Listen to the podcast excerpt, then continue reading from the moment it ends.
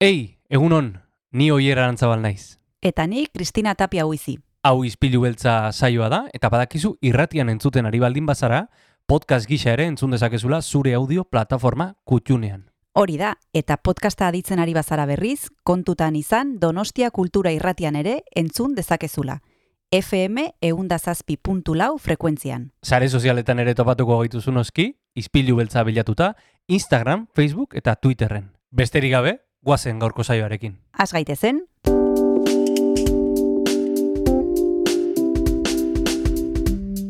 Ispilu beltza. Donostiako kulturaren berri, Oyer Arantzabal eta Kristina Tapia buizirekin. Egun honen zule hurriak iruditu astelena da eta hemen gaude, e, beste aste batez, Donostia Kultura Irratian, izpilu beltzan. Egun hon, Kristina? egun on oier zer modu zaude? Ba, primeran, hemen esan dakoa beste aste batez, Donostiaren, e, bueno, Donostiago kulturaren sekretuak e, ezagutzeko prest. Hori da, eduki mordoa ditugu gaur ere bai, badekizue aurrekoan iragarri genuen futbolari buruz hitz egingo genuela gaur, antzerki badatorrelako, eh, Ladies Football Club, eta bertan eh, erakutsiko digute noiz hasi ziren emakumeak futbolean, eta ez da duela gutxi, oier, eh, lehenbiziko gerra munduan, ia hasi ziren, eta ikusiko dugu zergatik gelditu ziren, eta horretarako gonbiatu dugu Noemi Arribas aktorea. Oso interesgarria gaia, e, in- interesgarria baita ere deskubritzea nundi datorren e, emakumezkoen futbola, noiz hasi zen.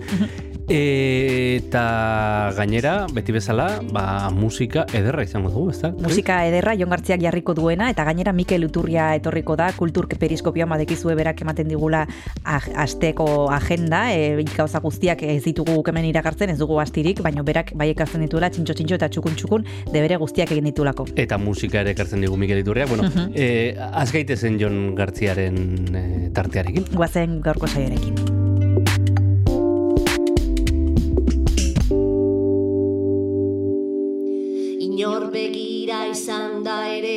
Berdin egin nahi nuke. Egun honen zule guazen gaurko saioarekin astera, hause da, mizeren inor begira izan da ere abesti berria.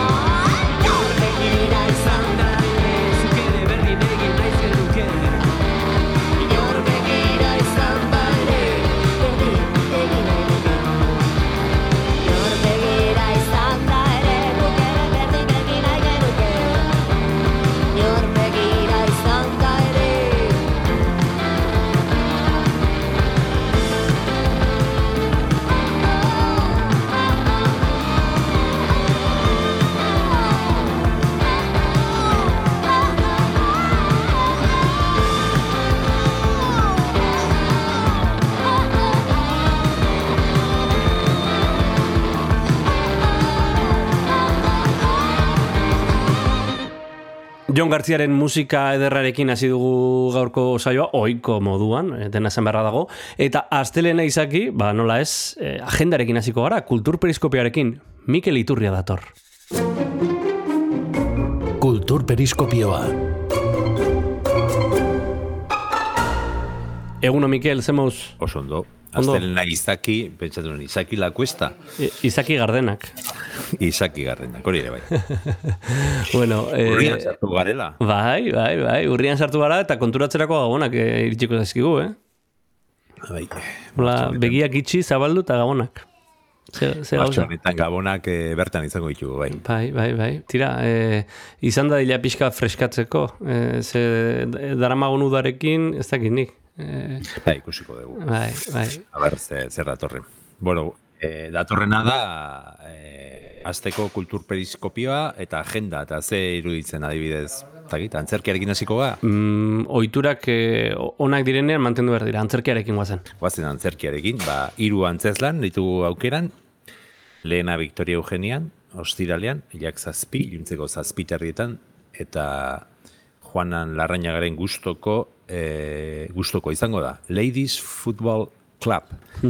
Ba, dirudinez, emakumeen futbolaren fenomenoa Ingalaterran sortu zen, lehen mundu gerrako urteetan, eta han e, kriston indar hartu zuten e, emakumeen taldeak, ez? Langileak zian, antegitako langileak, baina gero bukatu zan gerra eta talde haietako asko desagertzerea behartu zituzten. Ba, honi buruz e, gai hau jorratzen du Ladies e, Football Club e, antzeslanak, e, Stefano Masinik idatzitako obra da, eta hainbat aktore daude tartean, Alicia González, Arraio, Andreas Guatx, Andrea Guatx, eta, e, eta bar, eta, eta bar.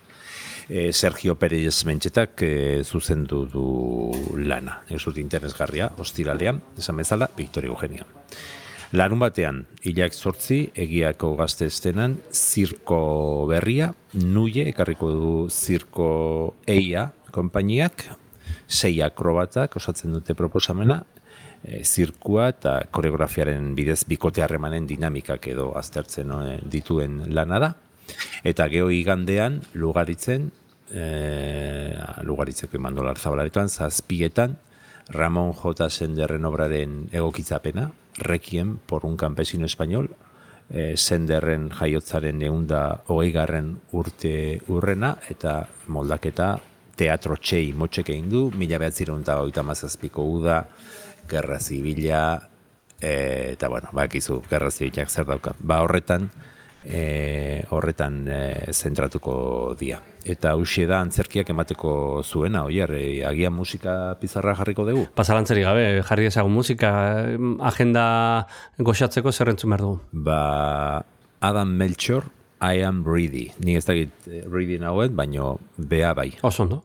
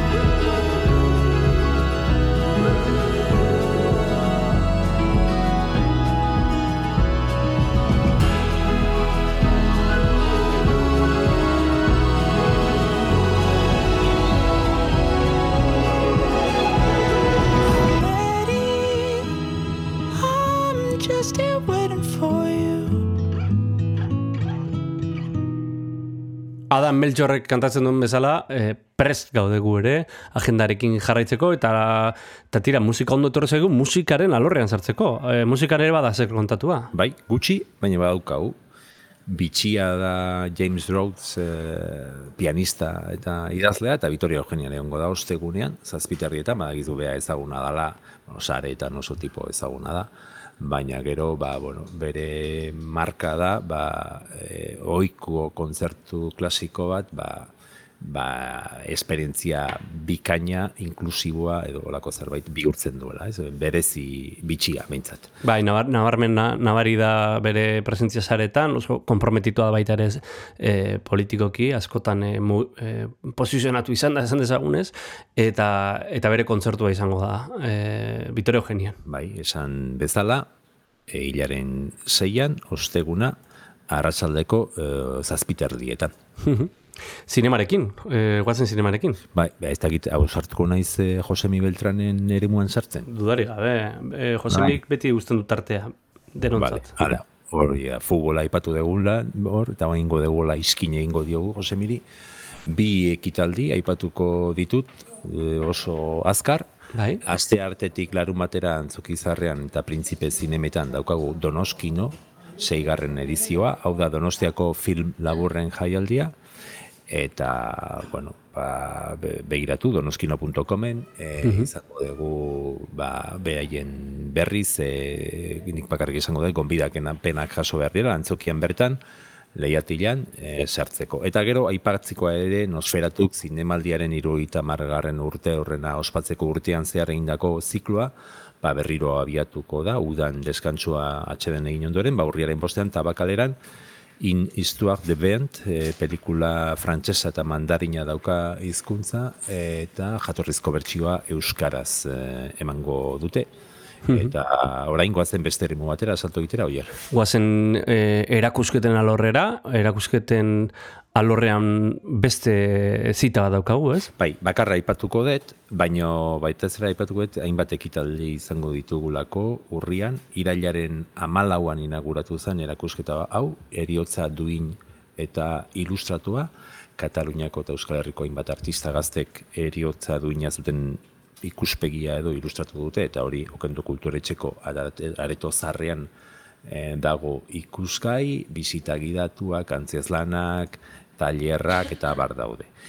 Urriaren bostean, zazpietan euskeraz asteko pieza, hasiera bat amaieran, izaro Marie, Mariezkorrenaren eskutik, ba, Euskal Herriko e, ilustratzailei, ilustratzaile edo, bueno, hainbat e, laguni eskatu diete ilustratzeko behai edukaten ikuspegia, e, eriotza duinaren ikuspegia, eta astero eh, ari dira aurkezten. Aste honetan, esan bezala, bostean, e, izaro Mariezkorrenaren txanda da, Eta gero zazpian, euskeraz, emakume eskeletoak taldearen agur, agur eta agur ipui musikatuak. Gainerako informazioa daukazue donostiakultura.usen, okendo kulturetxeko e, tartean sartuz, hor hainbat e, ekitaldi daude eta danak e, begiratu. Ba horixe, aipatuko dugu donostiakultura.eu egunean sartzea gomendatzen dugula ba, edozein berritasunen eh, berri izateko, agendaren berri izateko, eta baita sare sozialetan abildua Donostia Kultura bilatzea gomendatzen dizugu, batez ere Twitterren, eta tira, aipatu nahi nuen, ikusi dudala e, webgunean pentsamendua eta gogo eta izeneko atal berri bat dagoela. Bai, atal berri bat daukagu, eta bertan, ba, itzaldei jakin batzuk edo e, jarriko ditugu, kategorizatu ditugu, eta aste honetan bi ekitaldi ipatuko ditut adibide moduan. Aste artean, Ernest Lluch kulturretxean zazpietan, Euskaraz, Itziar Lakak emango du hitzaldia, bera da hizkuntzalaritza eta Euka- Euskal Ikasketak saileko katedraduna e, Euskal Herriko Unibertsitatean eta titulua da Imagina ezinaren bila hizkuntzatik abiatuta. Gero bestalde ostegunean hilak sei santelmon e, euskeraz ere beste hitzaldi bat, e, solasaldi baten formatu izango du Euskadiko Gazteriaren Kontseiluak eta Donostia Udaleko Gazteria Sailak andolatako ekitaldia, etxeko giltza moreak, etxe bizitza sarbidea ikuspuntu feministatik. Hirugarren batera aipatuko dut. Borbonia, de los baños de ola a la venta de patrimonio. San Telmon, ostegunean, zortzietan, Nieves con Kostrina, gazetarita idazleak emango du, eta giza eskubidei buruzko goita bosgarren ikastaroetako egitaren baitan kokatzen da, e, antolatzaileak Euskal Herriko Unibertsitatea da Donostiako udala dira, ez dakoati informazio askori Borboniari buruz, baina interesgarria dirudi, a priori behintzat. Bueno, e, ulertu dugu, pentsamendu eta gogoetaz, mm, e, bueno, zeren baitan sortu den, e, edo ze, zer, e, zerren aterkia den, hemendik aurrera, ez da?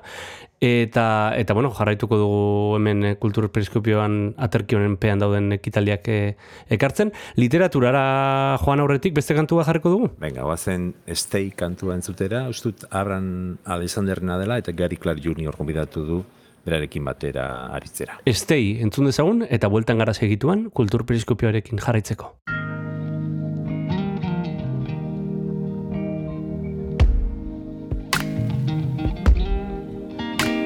I was wrong, I know. Am I the one to blame? I found another home. Heard her calling out my name. Tell me if I go too far. Would I become the lonesome lone star? Tell me if I go too far. Would I ever find my way back? I wonder if I stay. Would I ever see home again? I wonder if I stay.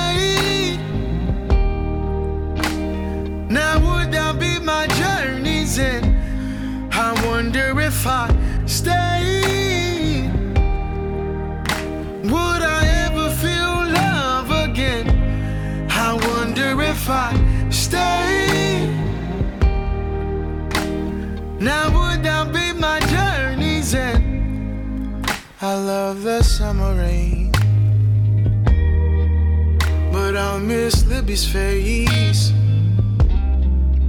I love the London streets,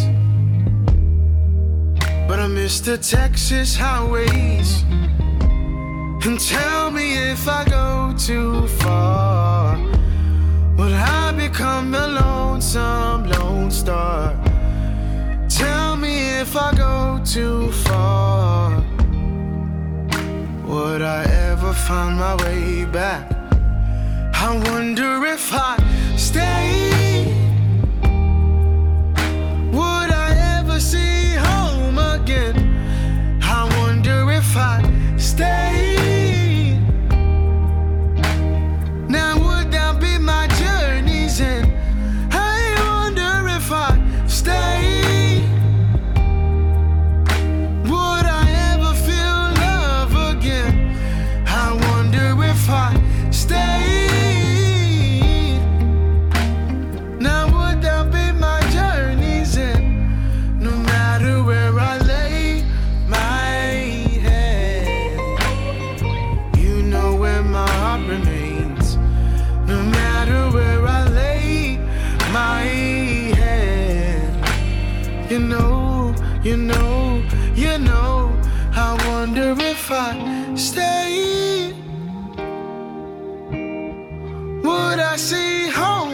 Again?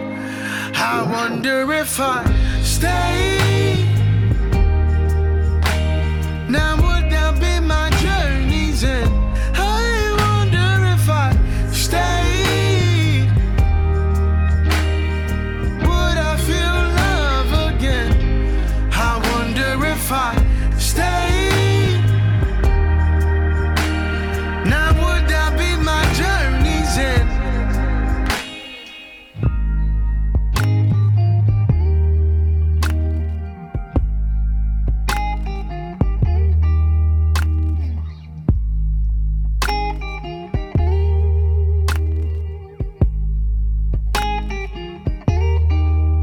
Astelenero bezala ari gara agendari eman diogun tartean, badakizu entzule, zauden lekuan zaudela, mapa zabaltzen dizugula, Mikel Iturriaren laguntzarekin, ba, datozen egunetan zer egongo den, zer disfrutatu dezakezun, mm, bueno, aletzeko. E, Mikel, orain literaturara goaz, e, letren errepublikara. Venga, guazen, ze irailean jada hasi ziren, hainbat literatur sola saldi, baina urrian serio jarri da gauza. Azte honetan, hainbat eh, ekitaldi ditugu. E, gaur, astelena, seietan Euskarazko solasaldia okendo, okendon, okendo kulturetxean, maian etxoperenaren ene baitan bizi da, ane maioz egidatzen du e, irakurlen artean e, tarte hau, e, solasaldi hau, ikasbiden, gaur bertan, zazpietan sarri handiaren lagun izoztua, edu zabala da gidari, bihar San Jeronimon, liburutegi nagusian, euskerazko e, John Benitoren lagun minak, e, liburua zarituko dira, inigo barri idazleak idatzen duen euskarazko solasaldian. Gomendatzen dizut liburu hori, eh? E, Mikel, irakurri dut eta eta oso berezia egin zait. Zer da, poema liburua? Ez, e, narrazio, mm, ipu, ez dakit nola definitu, narrazio ipuin liburu e, bidaia narratibo bat, ez dakit, ez dakit nola definitu, baina oso oso ederra da egin duen lana da. Lehenengo, uste dut, okerrezpanago Jon Benitoren lehenengo narratiba liburua. Bai, horregatik esango nuke beha baina arte poeta gisa ezagutu degulako, ez? Horregatik aipatu dut. Jarrai dezagun, aste azkenean, Javier Mina gaztelaniaz ez Ernest Luken gidatzen duen sola saldearen txenda izango da, seiterrietatik gaurrera, John Le Carreren El Peregrino Secreto, Aste azkenean, egian e, zientzia fikzioari buruz Juan Luis Díaz egidatzen duen solasaldia, e, jorratuko duten liburua, Luis Mari de Juan Irastortzaren Nacimiento. Ostegunean, Aiete Kulturretxean, Ragatzi Dibita, Chavales de la Arroyo, Pier Pablo Pasolinirena, Lola Arrieta da gidaria, eta Lantxabe auzotarren elkartarekin batera antolatzen da, eta amaitzeko, lugaritzen ostiralean trilogia aurkeztuko du Aitor Navarrok, el escenario de la vida. Eta hause gaur esateko nuena, gaur ez dago aurrentzako eh, tarterik, oier? Hmm. Bueno, eh, ez da gutxi, ez da gutxi, oso pozik hartzen du agendaren errepasoa, ze, ze bueno, balio du, ez? Momentu batean, edo tartetxo batean, jakiteko, egiteko olako e, bide horri bat, bueno, e, balio balin badizu entzule, guretzat ere, e, mm, baliagarria da. E, agur esan aurretik berriz egoratuko dugu donostiakultura.eus egunean sartzeko agenda guzti hau e, berriz ere errepasatu nahi balin baduzu, edo baita ere ba, ba preste egoteko aldaketaren bat balin badago, e, adi egoteko, ezta? E, bai donostiakultura.eusen, bai abildua donostia kultura e, kontuetan, zare sozialetan, batez ere Twitterren, eta agurtzeko oiko legez abesti bat? Bai, lehen esan dugu stay, bertan gelditzeko, bain ningo dugu hanka, running, Kate Bollingerrena. Plazerra, Mikel, bezarka bat. Venga, beste da zuretzat. Aio. Agur, agur. What a way to act To hold the gun But not know the song When you hear it sung To take the rules As a natural law But how can you learn them? You forget what you saw.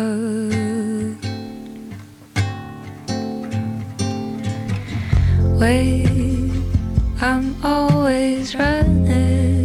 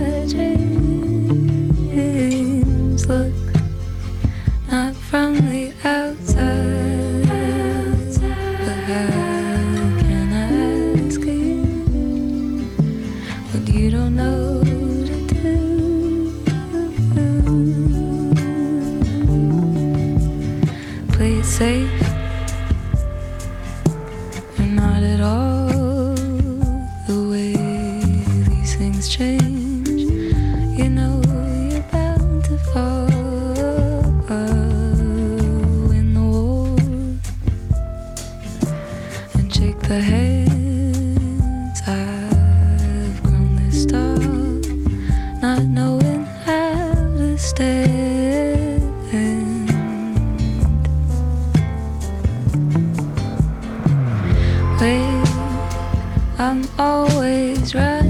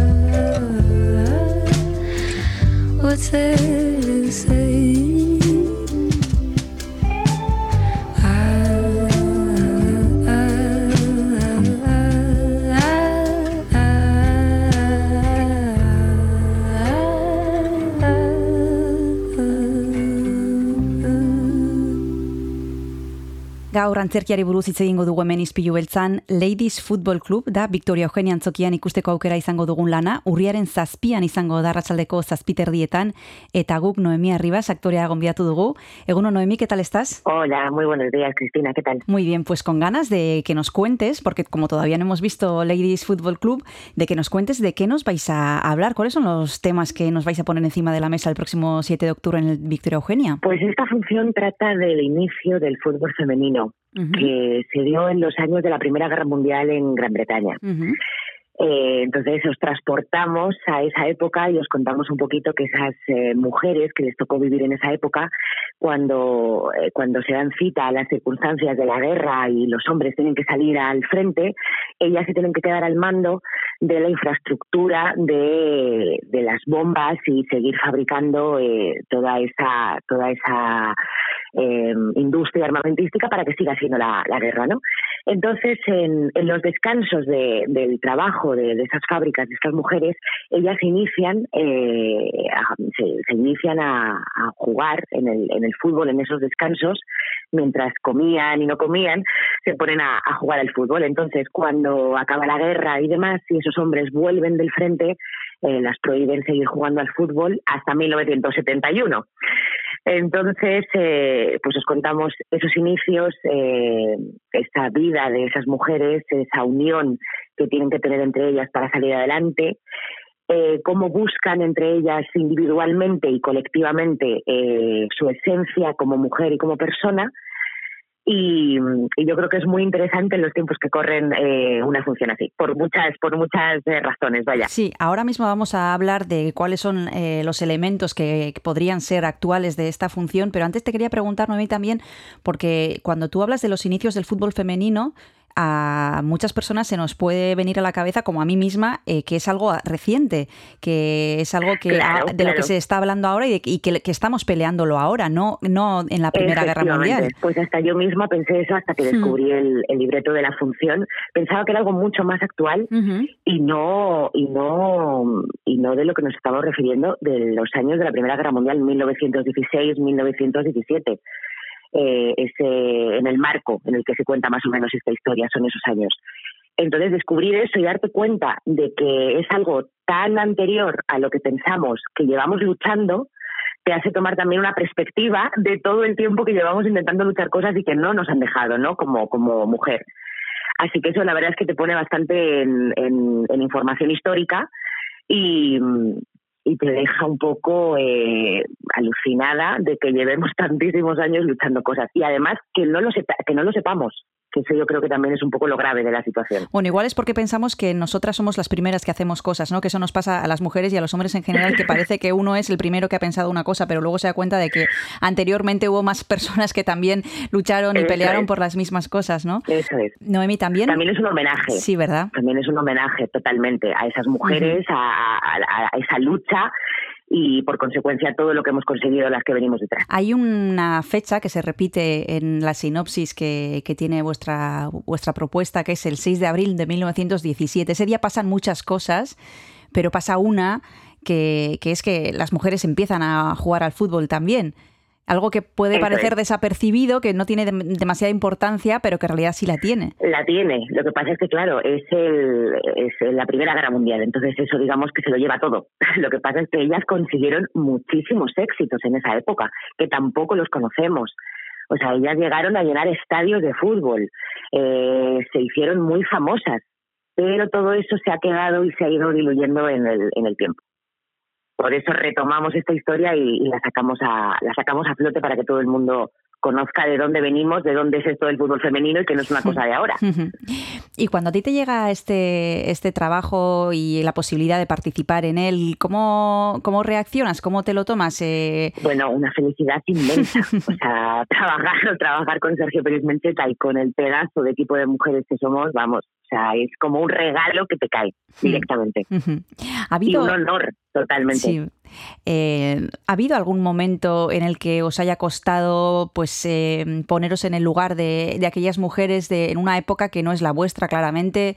Eh, no sé si ha habido algún nudo que os haya costado desenredar o alguna, algún reto que hayáis tenido en este camino. Hemos tenido muchos retos, eh, individuales y grupales, pero, pero gracias yo creo que a la empatía, al grupo que hemos hecho, que somos 11 mujeres, que enseguida hemos hecho una piña fantástica y un, y un equipo de trabajo maravilloso junto con Sergio, el director, Sergio Pérez Mencheta, y todo el equipo de, de Barco Pirata, eh, creo que la empatía ha hecho mucho de, de entender la función, de, de mirar a ver por dónde la íbamos llevando, cómo contábamos esta historia, y ha habido cosas difíciles porque claro que se te pone un nudo en el estómago cuando cuando entiendes que a estas mujeres se las prohibió hacer lo que en ese momento les gustaba, les apetecía y demás. Entonces sí que se te pone un nudo en el estómago como mujer de, de otro siglo, pero, pero entiendes un poco todo el recorrido y, y por dónde pasaron.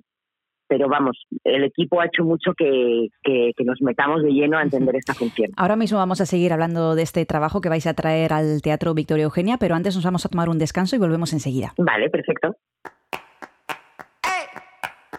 ¡Vamos! ¡Pucho!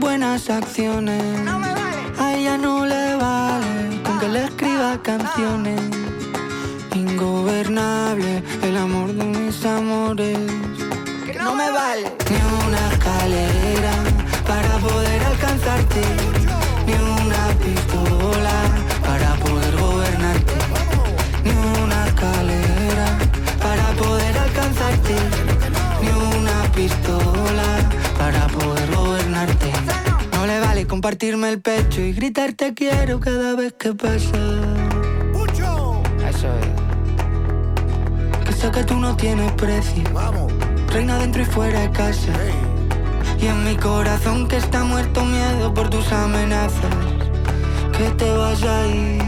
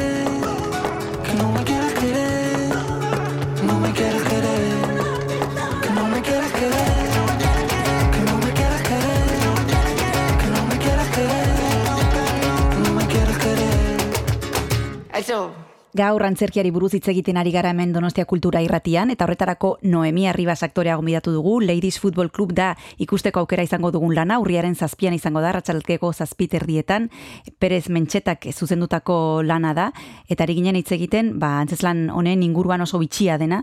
Eh, estamos hablando de estas mujeres, estas primeras mujeres que consiguieron la atención del público, que consiguieron llenar a estadios, algo que ahora sale en los telediarios como novedoso, pero que ya ellas consiguieron. Pero ¿qué pasó, Noemí, después de, después de la guerra?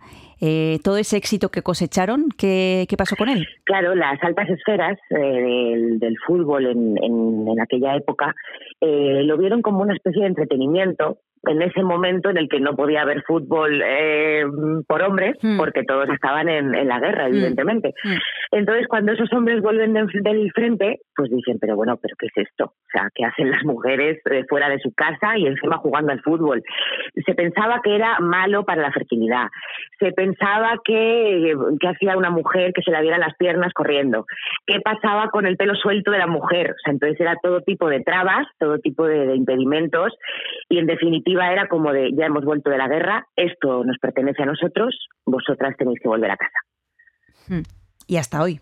Y así fue, exactamente. Bueno, hasta hoy. Bueno, por- prácticamente, Por, sí. suerte no, Sí. por suerte no, pero sí, sí, estuvo prohibido hasta 1971, que eso también es una de las cosas que se explican en, en la función. O sea, que fíjate, todos los años, digamos, que hemos perdido de, de avance, de ponernos a la altura del, fútbol masculino, en este caso. ¿Y quiénes eran estas primeras jugadoras de fútbol? Vosotros que vosotras que las encarnáis, eran personas que ya estaban in- en el mundo del deporte, eh, mujeres normales y corrientes. eh, ¿qué, qué tipo de personas eran estas primeras jugadoras? Mujeres, mujeres en principio normales y corrientes, ¿sabes? Que se ponen a, se ponen a trabajar también eh, em, por, el, por los motivos de la guerra y necesitan seguir haciendo armamento y todo esto. Entonces, eh, en principio son mujeres completamente normales que, que se están buscando a sí mismas.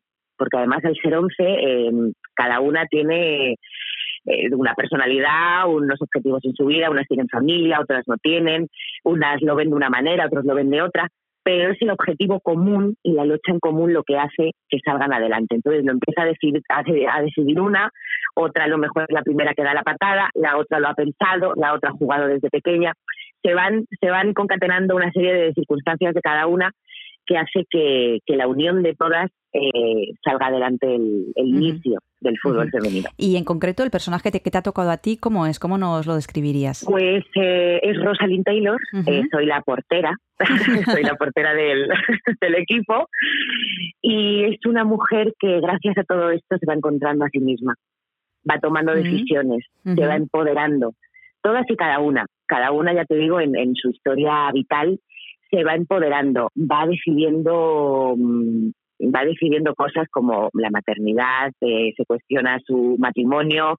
Entonces es un empoderamiento que va desde el principio de la función hasta el final creciendo y tomando forma y, y la verdad es que es un gustazo que te voy a contar. Eh, además de dejar de jugar al fútbol con, eh, con el fin de la Primera Guerra Mundial, cuando los hombres vuelven a casa, eh, también tuvieron que dejar de trabajar en las fábricas, que es algo que ahora lo vemos y da la sensación de que eran utilizadas según convenía, ¿no? Ahora hacen falta para trabajar, las cogemos. Ahora no hacen falta para trabajar, no las, no las queremos, ¿no? Un poco de... Eh, eh, sí, sí, efectivamente. Ahora hace falta sacar adelante el país, entonces venga, salir de casa y trabajar. Pero ahora ya volvemos nosotros, no os preocupéis, ya está todo arreglado. Mm. Y eso también supone para la mujer el hecho de no trabajar eh, fuera de casa, para las que así lo quisieron, pues eh, después de haber mm, conocido eso, de poder tener su autonomía económica y otras muchas cosas, eh, la capacidad de poder eh, socializar con otras mujeres que están en tu misma situación y muchísimas cosas más, eh, de repente volver a estar dentro de casa muy posiblemente limpiando y preparando la comida al marido. Pues imagínate, o sea, tuvo que ser tremendo. Tuvo que ser tremendo el salir un poco al mundo, el decidir por ti misma. Además, claro, estos maridos no se encontraban con ellas en ese momento, estaban también en la guerra. Entonces, eh, tienes el momento de encuentro entre ellas, el poder hablar con otras mujeres, el, el saber de otras mujeres y otras historias. Es como mutilarte, de alguna manera. Ahora mismo vamos a seguir hablando de esta propuesta tan interesante que nos van a traer al Teatro Victoria Eugenia. Nos vamos a tomar el segundo descanso y volvemos enseguida con Noemí Arribas. Papi, papi, tienes algo que no tiene nadie. Cuando me miras la boca se me corta el aire. Te asomaste a la ventana al final del día. En el pecho te brillaba una luz prendida. Qué hermoso era tu pecho, una blanca luna. Curas la camisa, solo lo importuna. Querida, me condena sin guardar reposo. Honda beso y honda muerte la que hay en tu rostro. Honda beso y honda muerte la que hay en tu rostro.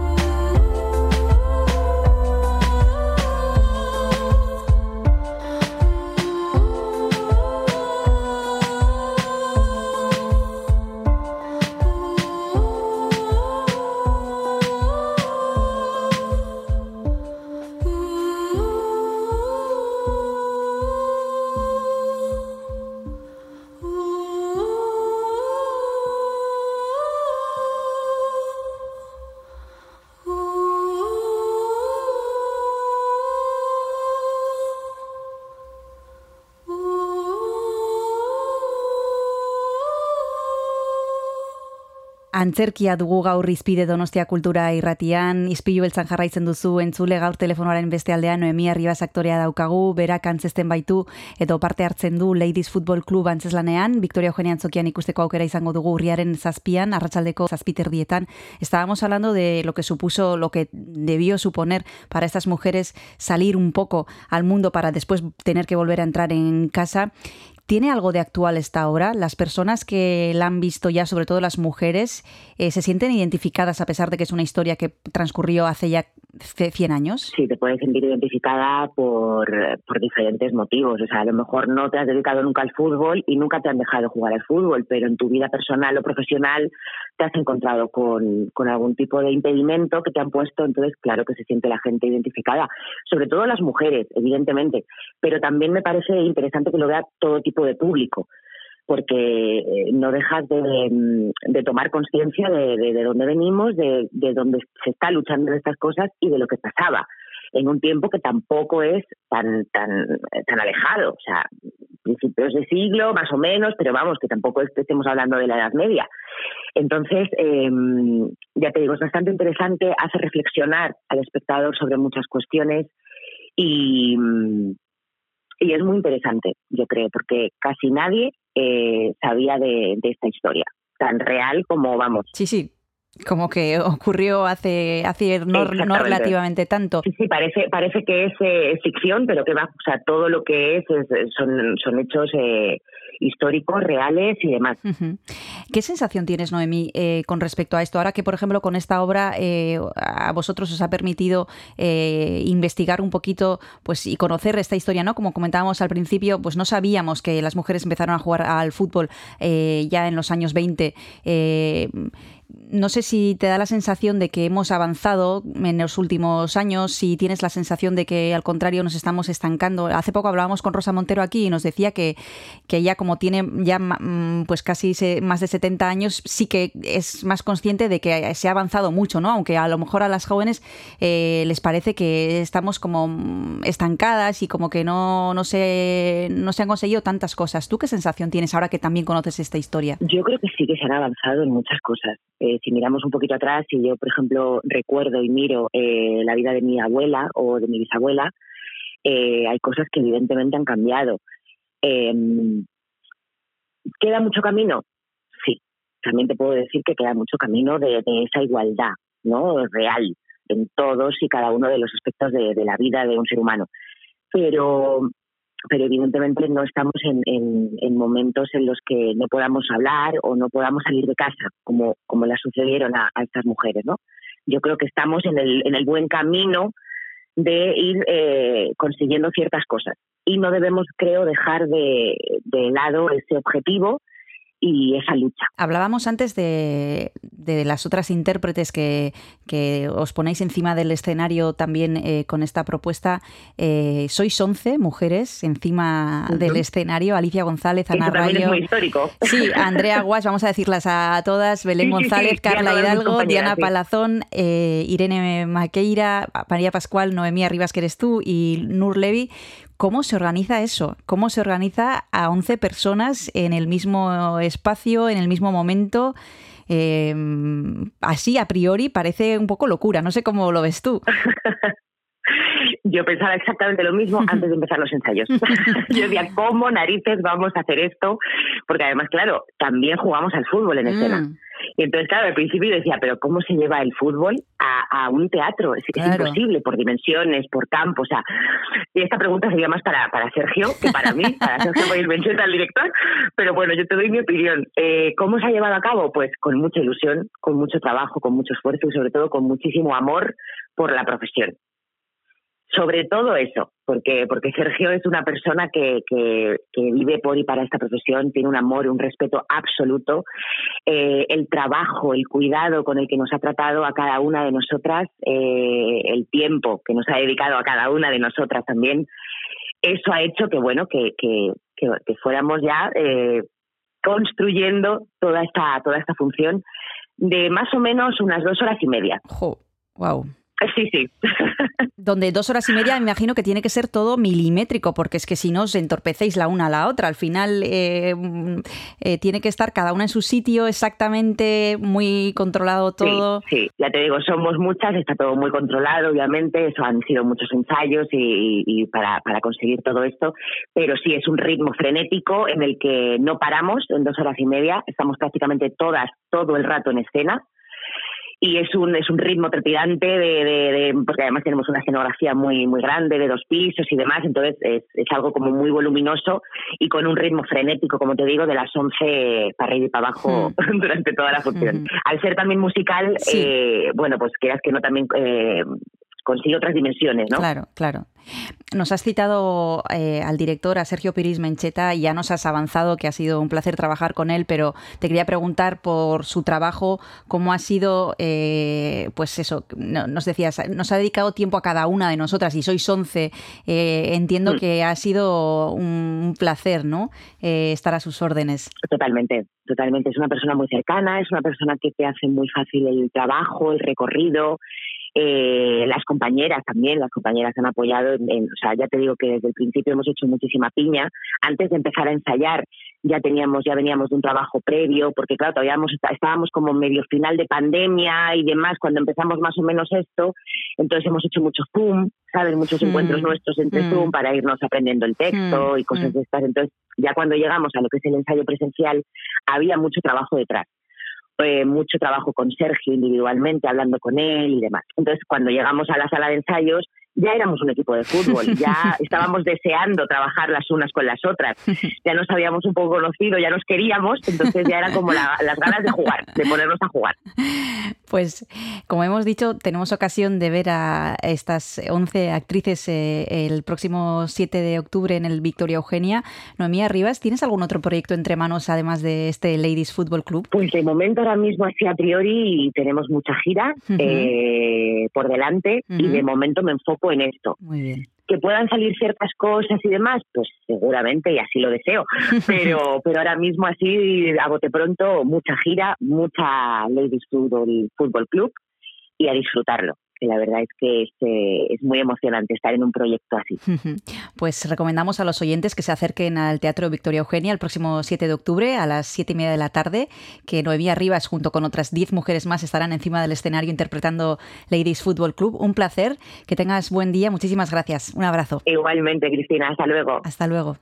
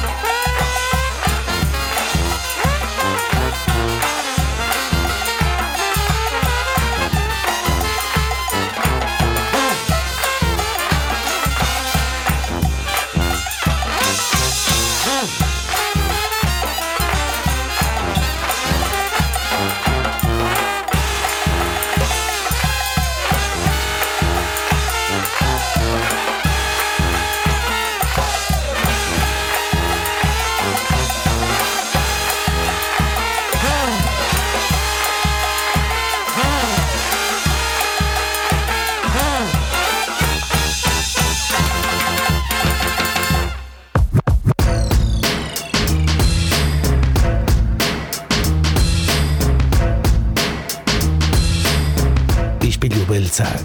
Donostiako kultur paisaiaren isla da Donostia Kultura Irratian eta zure audio plataforman Spotify, Apple Podcast, Google Podcast eta irratia.donostiakultura.eus webgunean.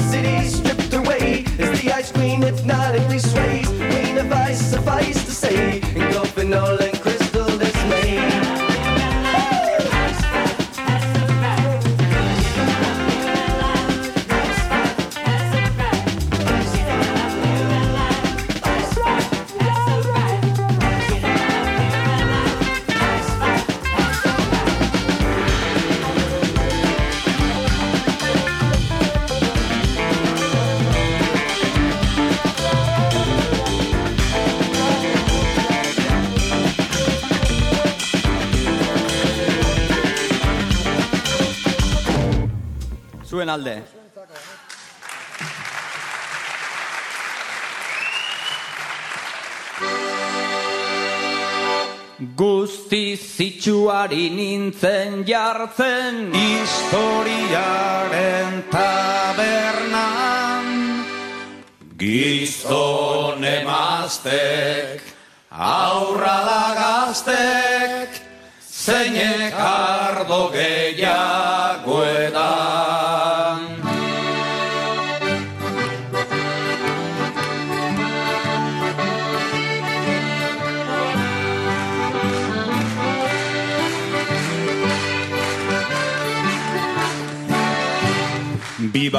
Besta dio muñago horri Marinelak boga, boga. Haupa gizonak atzarre maze Sexua gozatzeko da. Jaun baruak txori txikiari Aika mutil jeikiari Katialdi neskazar bat tentatzen Keinuka ilargiari. Iparragirreko mediante Ukazio alegetzat. Donostiako iruda matxo Bilutxirik daudenentzat Hilda jainkoan ork dantzatuko Bote du soinutxo hori Amalau atzo trompeta jotzen Aita San Antoni hori. Hau da gauaren zoragarria Txarra morkoan txumpletin Anaia reboka modioz prest Gira oro elgarrekin. Zibilek esan haute biziro Kaleko azken mobida Aizea dator. Eta orduan bostiro entzuten dira Hau txartatikan ustekabean Horra gertzen da txirrita. Urpistola batez Furra, furra. Soñeko txuri jantzita Armen hartzera deitu ninduen. Erre, erre trapuzarrak Demokrazia zerri askara. Biba lengo fuero zarrak Borroka hortan bizi da eta beti aurrera kastero. Aixo bezeri Esan omen du Sartuko nahi gerrillero Bizkaiko aberatzak diru zale Hankak zebiltzan aidian. Honela ezin leike. Esan du Jainkuaren izenian Txakurrak datoz zaizkutatzen naiz Ikurriñan atzian Ni naizen bezinko barderikan, eza Espainia guzia. Isil-isilik egaka joan, nintzen salako lehiora, salta kalera eta bat eta bi, mendie galetan gora.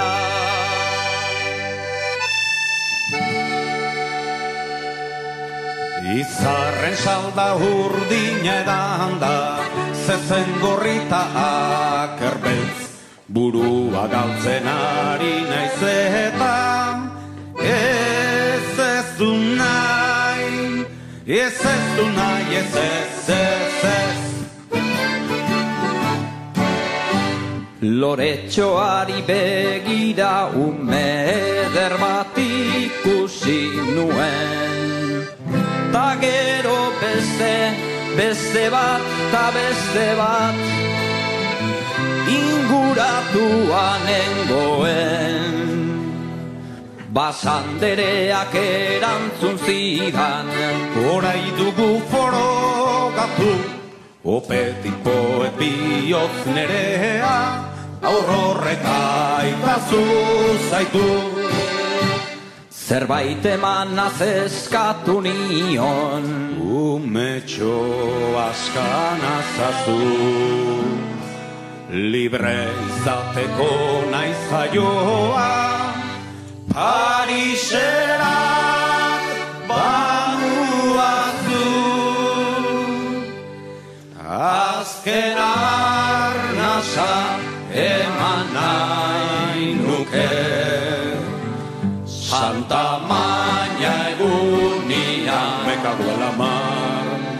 Izar berri bat piztutzera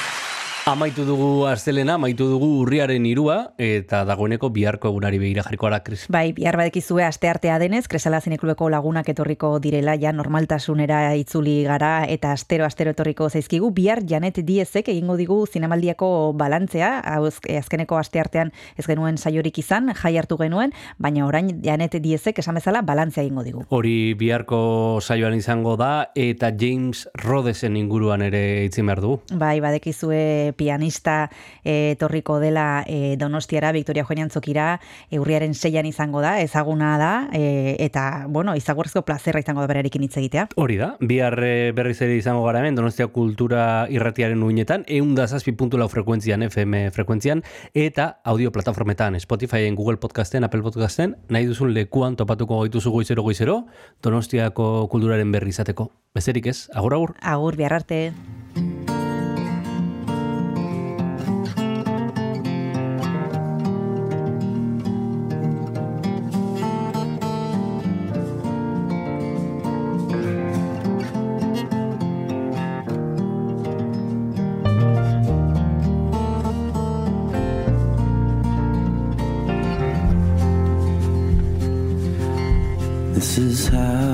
Turn.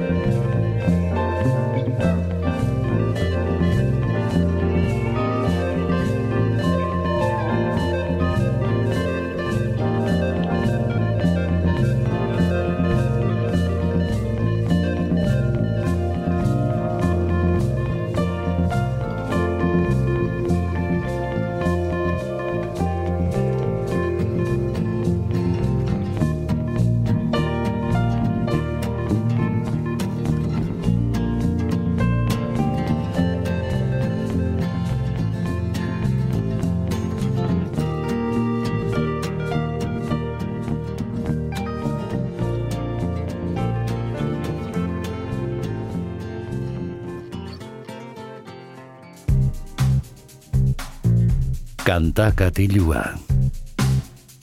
Jon Gartziaren eskutik. Kaixo entzule ongi etorri asteleneko kantakatiura, iritsi gara izpi hueltzaren amaierara, eta badakizue horrek zer esan nahi duen, e, musikaz amaituko dugula saioa, musikaz josiko dugula hemen kantakatiuan, eta tira gaurkoan Torontora joango gara, Wine Lips izeneko taldearen azken diskoa ezagutzeko, titulu berezia duen diskoa, Mushroom Death Sex Bummer Party izena du, eta alaxe hasten da, Ice kantuarekin.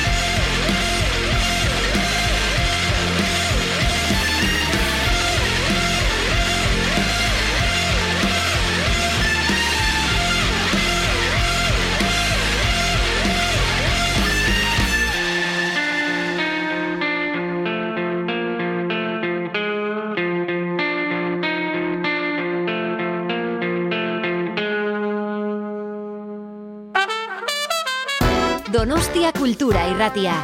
Eun eta zazpi puntu lau.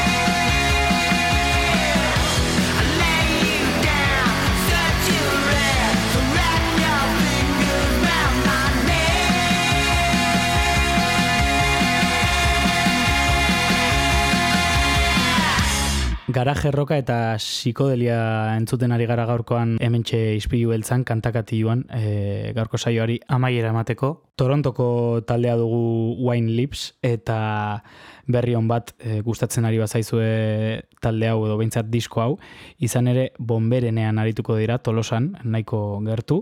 Aurtengo azaroaren amabostean arituko dira, aste artean, beraz, e, gustatzen bazaizue ez galdu, eta guazen entzuten eta ezagutzen jarraitzera. Orain txentzun dugu txouk izeneko kantua, eta beste bat entzutera guaz, hau da In the Clear.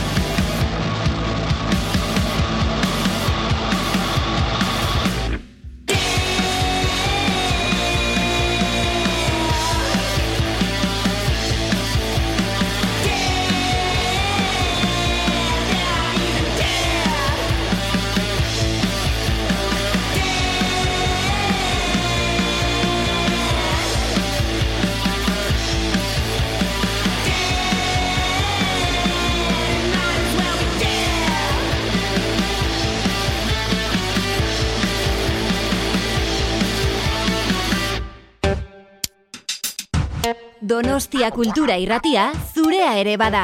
Zatoz eta parte hartu.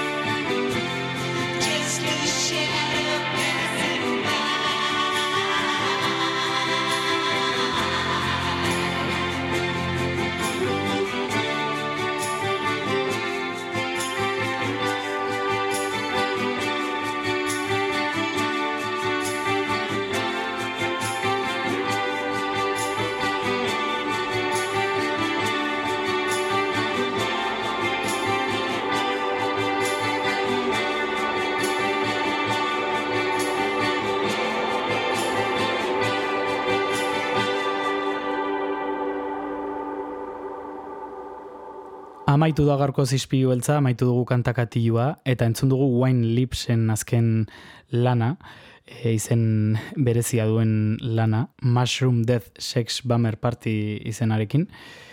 E, Orain entzungo dugu azkeneko abestia, kamikaze izenekoa, eta esan bezala, bomberenen arituko dira azaroan, beraz e, gustatu bazaizu ez galdu. E, benetan energiaz beteriko diskoa aurkeztu dute aurten. Guk gaurko zamaitu dugu saioa, baina badakizu bihar bueltan izango garela musika gehiagorekin. Eta beraz, sintonizatu ondazazpi.lau edo entzun izpilu beltza podcast bidez. E, esan bezala, bihar arte.